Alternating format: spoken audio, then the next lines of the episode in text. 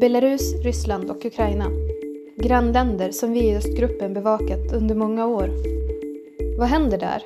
Hur ser situationen ut vad gäller de mänskliga rättigheterna? Och varför är dessa länder aktuella för oss i Sverige? I Östpodden samtalar Östgruppens Tobias Ljungvall med svenska experter och gäster från öst. And today with me on a link from Poland, I have Piotr Rudkowski. Welcome, Piotr. Hello. You are the director of the uh, Belarusian Institute for Strategic Studies, BISS. I understand this was uh, uh, created some 10 or 15 years ago.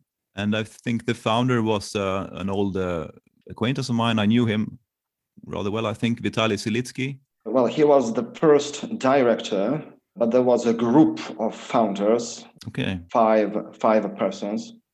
Among, among them, for example, Andrei Dynko, Valer Bulhakov, Pavel Daneyka, and two others. Okay. Some names that I know of also. Vitaly, he passed away 10 years ago. Tragically, he was not even 40 years old, I think. Yeah, you're right. You're right. And unfortunately, he untimely passed away in 2011. Yeah. And now you are the director of BISS, this institute. Tell us a little bit about the institute, please. Uh, well, the main uh, mission of the institute is to analyze socio-political processes in Belarus and assess them in the long-term perspective. Throughout history, different uh, topics were magisterial for BISS. Uh, after I came to BISS as the director, we focused mainly on value transformations uh, in Belarus and uh, Belarus in global context. These two areas that had been main until August 2020.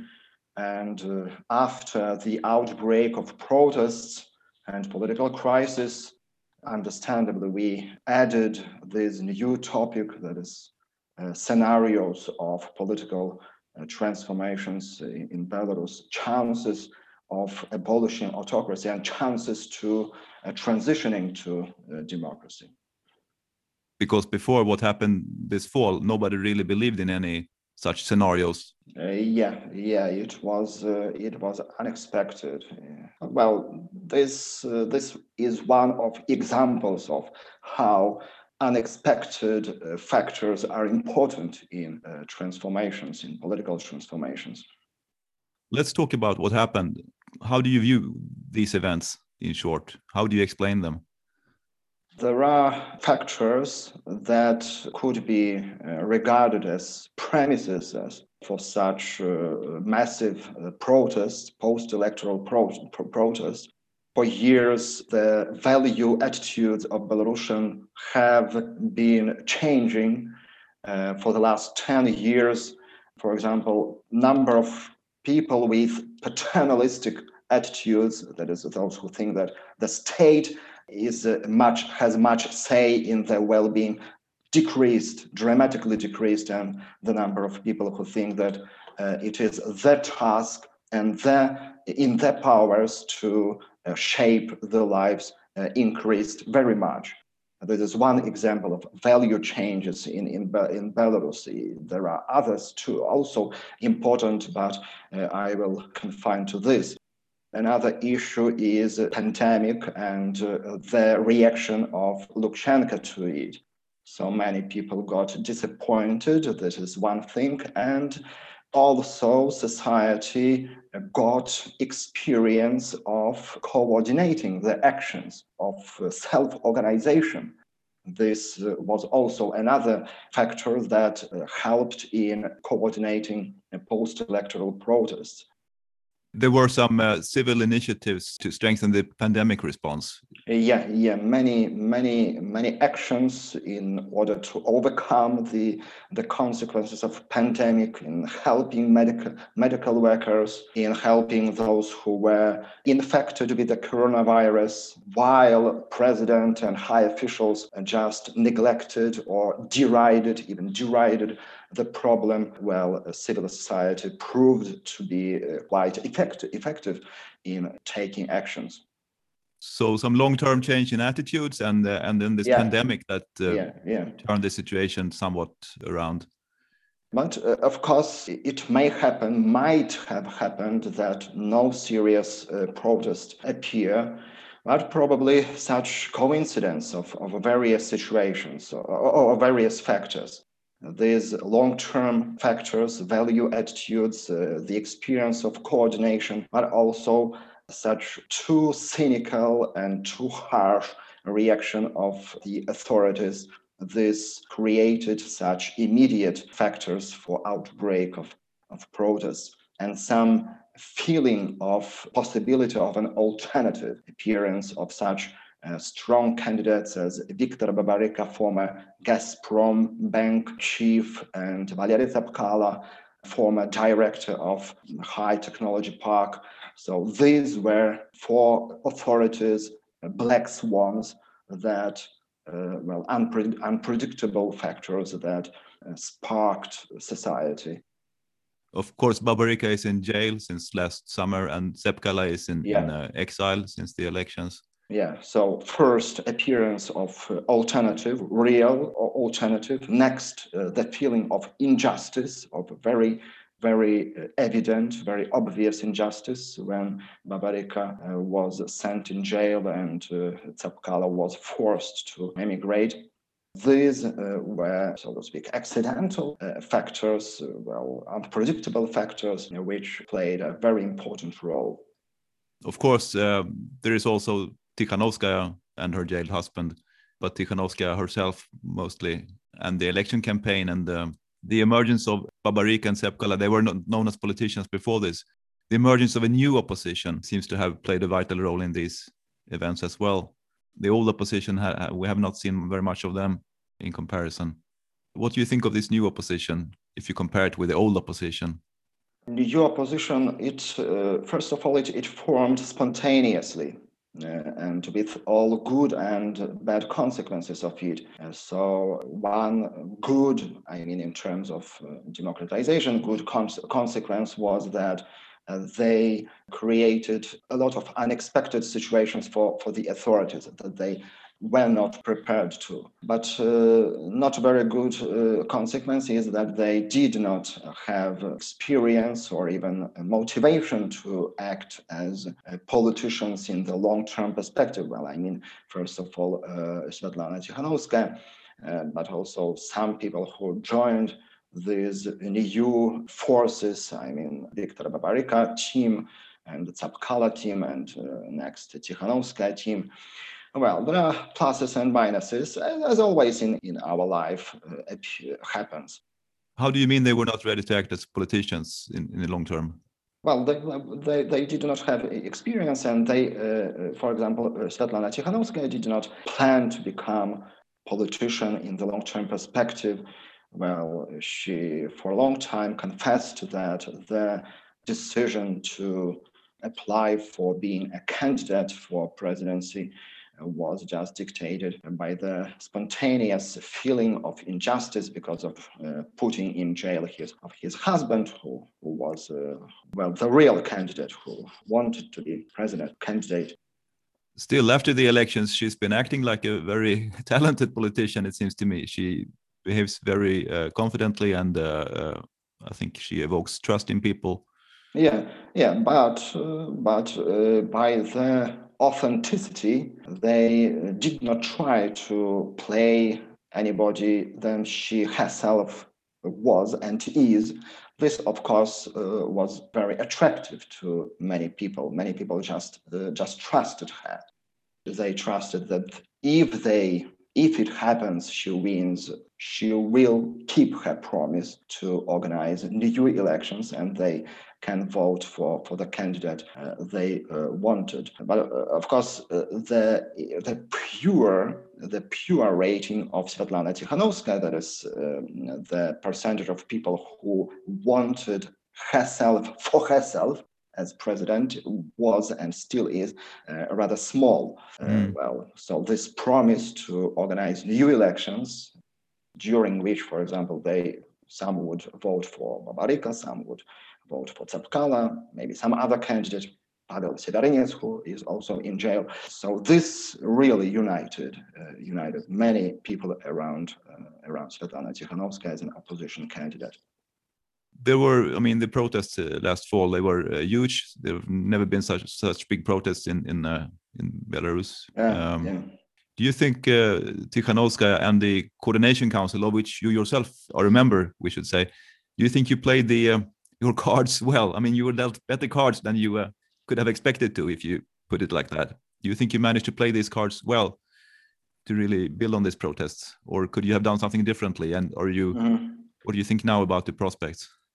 I, I, to some extent, yes, I, I participated in, in this uh, process as a, as a, coordination council member, but to a greater extent, I am, I'm first of all expert from the perspective of, as an expert, as a political scientist, as one who studied a lot of cases of protest and of transitioning, of abolishing autocracies. It is very difficult for me to imagine an alternative scenario which would be significantly better.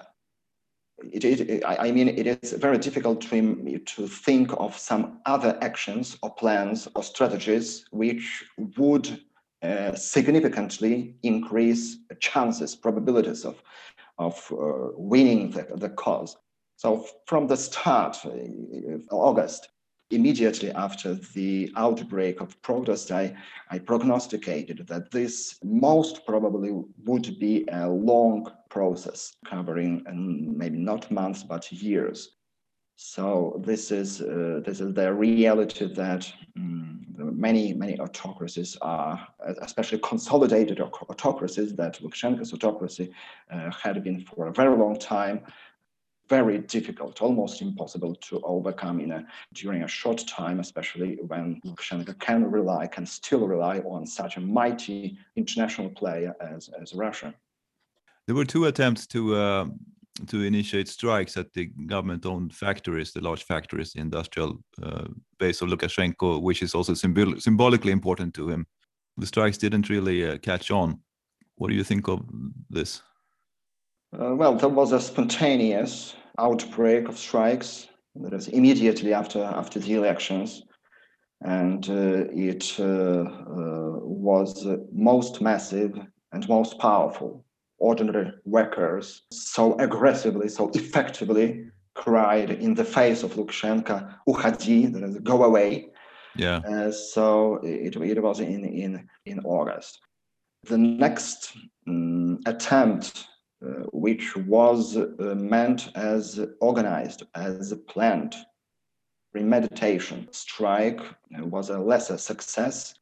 It was understandably in psychological terms and in, in many other, other terms. Well, by that time, people got uh, very much intimidated. Well, repressions were working very strongly, and costs of joining such strikes was very high the most effective strikes or whatever uh, protests are either spontaneous when people just not calculate in terms of cost benefit. So such emotional uh, emotional and spontaneous yeah they they often are most effective. And in a situation when there are visible signs symptoms that the regime is uh, falling down falling apart so uh, in other situations when the regime is stable, especially security forces are still uh, in major part loyal, and uh, well, in Belarusian case, Russia uh, showed support to Lukashenko. Well, it would be rather counterintuitive to expect that there would be very large, very massive strikes or, or, or even very massive demonstration compared to those in August such is human's uh, nature that that they just calculate cost and benefits and if they have to feed uh, maintain the families somehow to to live further they they just take into account this risk. This is natural. This is uh, this is understandable. Yeah and now also the street protests are pretty much over for this time. I mean there were a few hundred people arrested the other week on Freedom Day and, and two days later. Yeah, yeah, yeah. But um, there were no big demonstrations, and people don't seem to expect big demonstrations in the near future. It may happen, but if it has to happen in the future, I think that hardly can be prognosticate, hardly can be predicted. it may happen unpredictably. That is, either the anger of people will get so strong, so intense that they will no longer be possible to uh, somehow contain it. Uh, so, despite all the costs, despite all the risks, there can appear a demonstration. But I, I, I think that there are no possibility to well to, to somehow rationally predict whether they occur, whether not. It is what we know now. There is a widespread dissatisfaction with the regime. There is a very strong, very intense anger. And we also know that it is almost impossible to govern such people, such angry people, such dissatisfied people, only with the means of repression. At least some economic growth must appear in the nearest future, or stabilization in the security terms in order for this anger, this dissatisfaction somehow be reduced. Uh, this is unlikely. So I think that it's a matter of time when new outbreak of protest emerge, but uh, I would not try to prognosticate in terms of, for example, whether it will happen in a month or two, in half a year. It's hard to tell what's going to happen with the Belarusian economy, isn't it? Because, well, it's been more or less the same for a long time, I think. Yeah, well, here I, am not an economist, but but it is somewhat easier to to predict economic uh, developments. There are almost no prospects for uh, economic reinvigoration, economic improvement in the nearest future. Stag- at least stagnation mm. uh, mm-hmm. will uh, continue, most probably even even depression and worsening of the level of, uh, of life. But no real crisis, no real crisis is on the horizon, is it? Whether whether crisis, whether, whether a huge collapse occurs or not, what I, I, I hear from my colleagues, economists, there are no uh, people who would for sure predict such huge collapses. Let's talk about the social situation. The COVID response I probably don't look at the right places, but I haven't seen much about the pandemic situation in Belarus right now. Um, there was some talk in spring when Lukashenko said those things. And I know the uh, excess mortality of Belarus in the first half of the last year was uh, a lot higher than the official uh, death toll of, of, the COVID virus. Mm-hmm. But I'm not sure what's happening now. I mean, you, I know you have had measures, they have had measures in place that resemble somewhat those measures we've had in Sweden. Uh, well, when it comes to, to, to the COVID response, of course, we, we cannot trust any statistics in, in, in Belarus, almost any statistics, especially uh, statistics that can be convertible to political significance. And, uh, well, and uh, authorities' response to COVID was uh, convertible. So it is highly probable that there were falsifications, not only in, during elections, but also during this in the reporting COVID infections and deaths. Yeah. In spring and in, in June of last year, uh, we analyzed these issues and, well, since uh, we wanted to get expert knowledge of it, we considered uh, alternative explanations. They might be uh, plausible to some extent. Uh, for example, if we take into account that causal link between coronavirus and death is quite problematic, and there can be various methodologies of counting what was the main cause of a death. This one, uh, this is one thing. Another thing that sanitary conditions generally were not bad in, in Belarus, and World uh, World Health Organization rather positively assessed well epidemiological preparedness of, of Belarus. Uh, so taking this into account, well, some alternative explanations although were not uh, more probable than falsification, but were somehow plausible. Looking at it from the perspective of so massive falsification during elections and taking into account, uh, into account that the authorities were so much motivated to keep society in peace, keep it calm, yeah. uh, unperturbed. So it is very probable now, in, looking in retrospective, that uh, there were and still are uh, falsifications in terms of statistics of deaths and infections. I understand you also hear anecdotally when you talk to people in Belarus about cases of people dying or being severely sick with pneumonia, which is probably COVID, but which is not being diagnosed as such by the yeah yeah yeah by the health system. Still, Belarus has a fairly intact uh, public health system, doesn't it? I mean, you still have uh, lots of hospital beds and uh, Yeah, yeah. nurses and doctors and uh, such, probably left from the Soviet times. Yeah, yeah, yeah. The number of uh, beds, the number of uh, hospitals, this sanitary infrastructure. Well, and intensive care units as well. You're right. Yeah, this is also one thing that is assessed quite positively by by international organizations. So If you compare with Russia, for example, I understand in Russia they they laid off half of the personnel of the health system Mhm, in the last ten years, so they're they're probably having more difficulties in coping with. yeah, yeah. So yeah, yeah. This is, is the reason that we were not very hasty. I, I mean that in, in in the spring of last year, in June, we not, not very hasty in blaming uh, the authorities imputing uh, falsifications. So we tried to to uh, to, to consider alternative e- explanations. So because well, for reasons you mentioned, there could be some reasons for alternative explanation. But well, let, me repeat it that looking in retrospective, I, I think that the hypothesis of, of falsifications is rather more plausible. You spoke in the beginning about the changes, long-term changes of values from a more from a paternalistic attitude to a more uh, individual, freedom-oriented, I guess. Yeah, yeah. What about um, the flag? It's another part of the value system. If people believe in the current national flag, which is a more or less Soviet one, or if they believe in the white and red one, which is more ethnic and national, nationally oriented, and and uh, Until uh, the summer of last year, uh, the proportion was more or less 25 versus 65 in favor of current official, that is a neo-Soviet, neo-Soviet flag and coat of arm. So in, in Belarus, uh, after Lukashenko came to power, he reestablished with slight modifications uh, Soviet time uh, symbols, and they are held uh, official until now.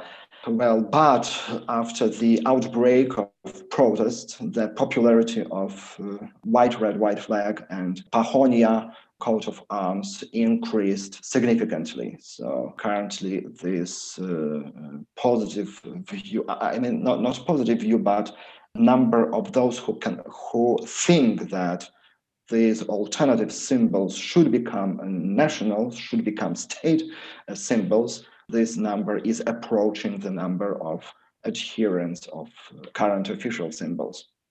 And do they put the? I mean, because this flag has for a long time been a symbol of the Belarusian opposition, which feels very strongly connected to this. Is it the same thing with these new attitudes in the, in the wider society, or does the flag represent something else to them?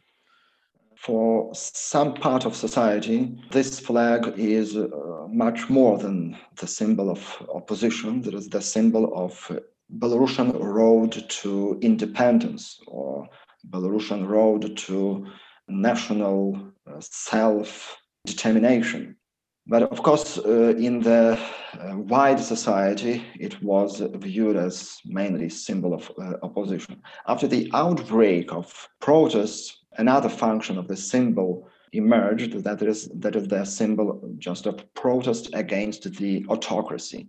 There is a large part of population that uh, neither views this as particular uh, national symbol or, or the candidate for official symbols. Many of them would have no objections to these official, to neo-Soviet symbols, but for them, white, red, white colors are just uh, protest colors.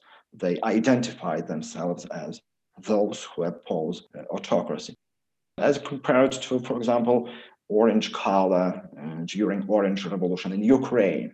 So just uh, identification marker for many people. But of course, at the same time, using wide using of white, red, white colors during protests was very important PR, that is advertisement for this symbol, because before that, most people didn't even think, didn't even cogitate about the significance of these colors. But currently, they, uh, for some time, they use just uh, use, use the symbol just uh, for identification reasons. But then they try to dig deeper and try to find to find out about its history, its significance, and well, this this attracted their attention and and popularized. The understanding of and the connection to this symbol will deepen probably. Yeah, yeah, yeah, yeah. Among the people. And what about the future in, in Belarus? How would you describe the current situation or the past years? Is it an authoritarian or a quasi totalitarian state? And what will it be like in the near future? As, as I said, well, I'm, I'm very cautious on uh, predictions. Well, with all reservations about possible political, politological predictions that they are can be uh, mistaken. But uh, I think that it will take uh, a rather long time to overcome uh, autocracy. But I think that there are little chances for autocracy, for this autocracy, Lukashenko's autocracy, to last longer than uh, three or four years. That is no longer than 2025 years. Of course, this is not not 100%, but, but it, it is very unlikely. It is rather unlikely that uh, a regime would survive because it, it would pre require significant economic improvement, and this would pre require attracting economic professionals, and it is very huge problem because currently uh, there are other defections of professionals leave state structures and do not um, want to work for the regime.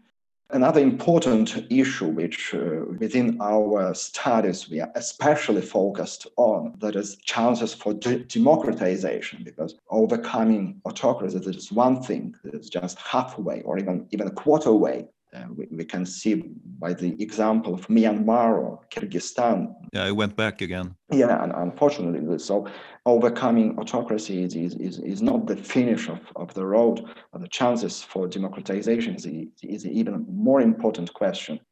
In this respect, I'm, I'm more optimistic. So if we Belarusians succeed in overcoming autocracy, chances for democratization are, uh, are real, are rather high because of these public attitudes that have changed yeah this is term. yeah for, for many reasons public public attitudes that is value uh, value structure is rather fa- in favor of uh, of democracy quite strong middle class lack of uh, serious conflicts uh, within the society neither ethnic nor regional or religious or any other conflicts there are in belarus and unlike Russia, you don't have any chauvinist imperial complexes. Uh, yeah, yeah. Well, in, in, in Russia, that is especially a very important problem. That is its complexity. It's an extremely complex organism. It's, it is so very much more difficult to transition to a functional democracy. In, in Belarus, it, it, it's much easier. Of course, it's it's not 100% guarantee, but uh, as compared to, for example, Myanmar or Kyrgyzstan or many other countries, especially in Asian or African region, but, but even, even in compared to Ukraine.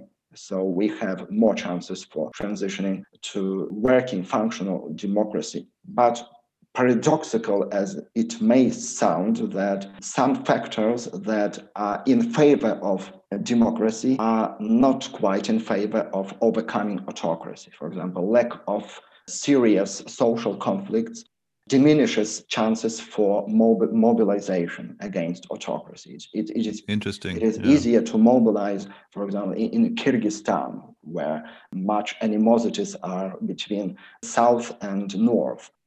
Yeah, they sweep away their regimes quite often, yeah, but they yeah. don't manage to establish democracy.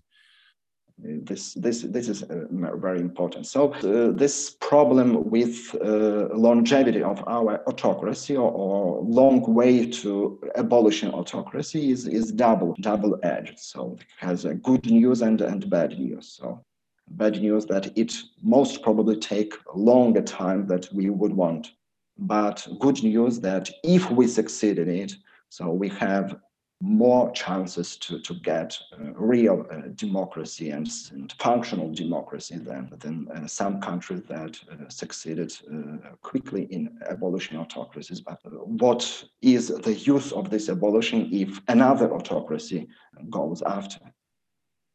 The UN Special Rapporteur for Human Rights, Anais Marin, she wrote in her first report, uh, it's already been a couple of years ago, I think, that repression in Belarus is cyclical, that every new young generation must be taught mm-hmm. to keep in its place and not yeah. to protest. Well, we've seen uh, an unusually large cycle of repression now the last half year. Do you think this will have an effect on young people's minds? Or will they keep to these changed values and still strive for freedom? It is more likely that it will have opposite effect than than effect that is intended these new generations are different than those who were born, for example, in 80s, 70s, or, or even 90s.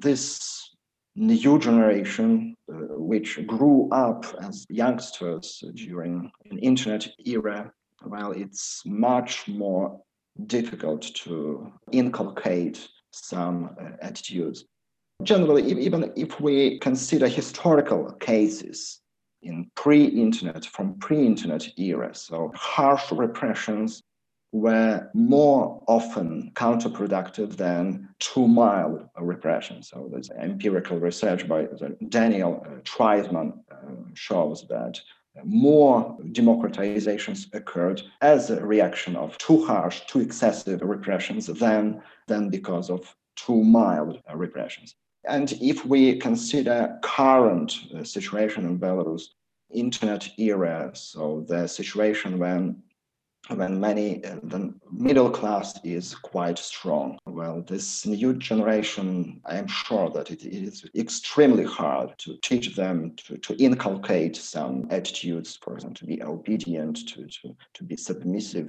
do you think lukashenko will um, is aware of this and will he keep a lid on repression and and not push too hard uh, that if he is aware that this can be counterproductive, you mean? Yeah.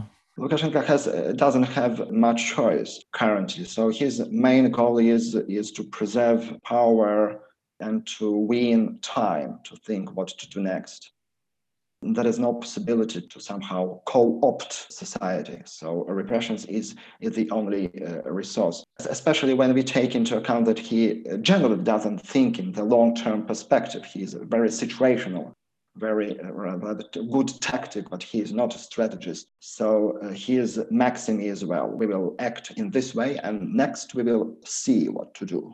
Tomorrow we will see what to do. Currently, we do this, act in this way, but tomorrow we will see what to do next. Uh, so, uh, well, he, he doesn't think in these categories and he doesn't have much choice. And he has also negative examples for Gorbachev, uh, perestroika. So this is the lesson that he learned for himself that, well, he is convinced that if uh, he is very concessive makes a lot of concessions that it will lead to, to lose of power and as he thinks lose of, of the country Uh, yeah this situation will continue to be difficult until something large happens. Yeah. Well thank you very much Piotr Rudkouski from the Belarusian Institute of Strategic Studies for taking part in our podcast. Thank you Tobias. Thanks to Oster Group. Tack för att du har lyssnat på Östpodden. Om du vill veta mer om mänskliga rättigheter i Östeuropa, besök gärna Östgruppens hemsida och följ oss på sociala medier.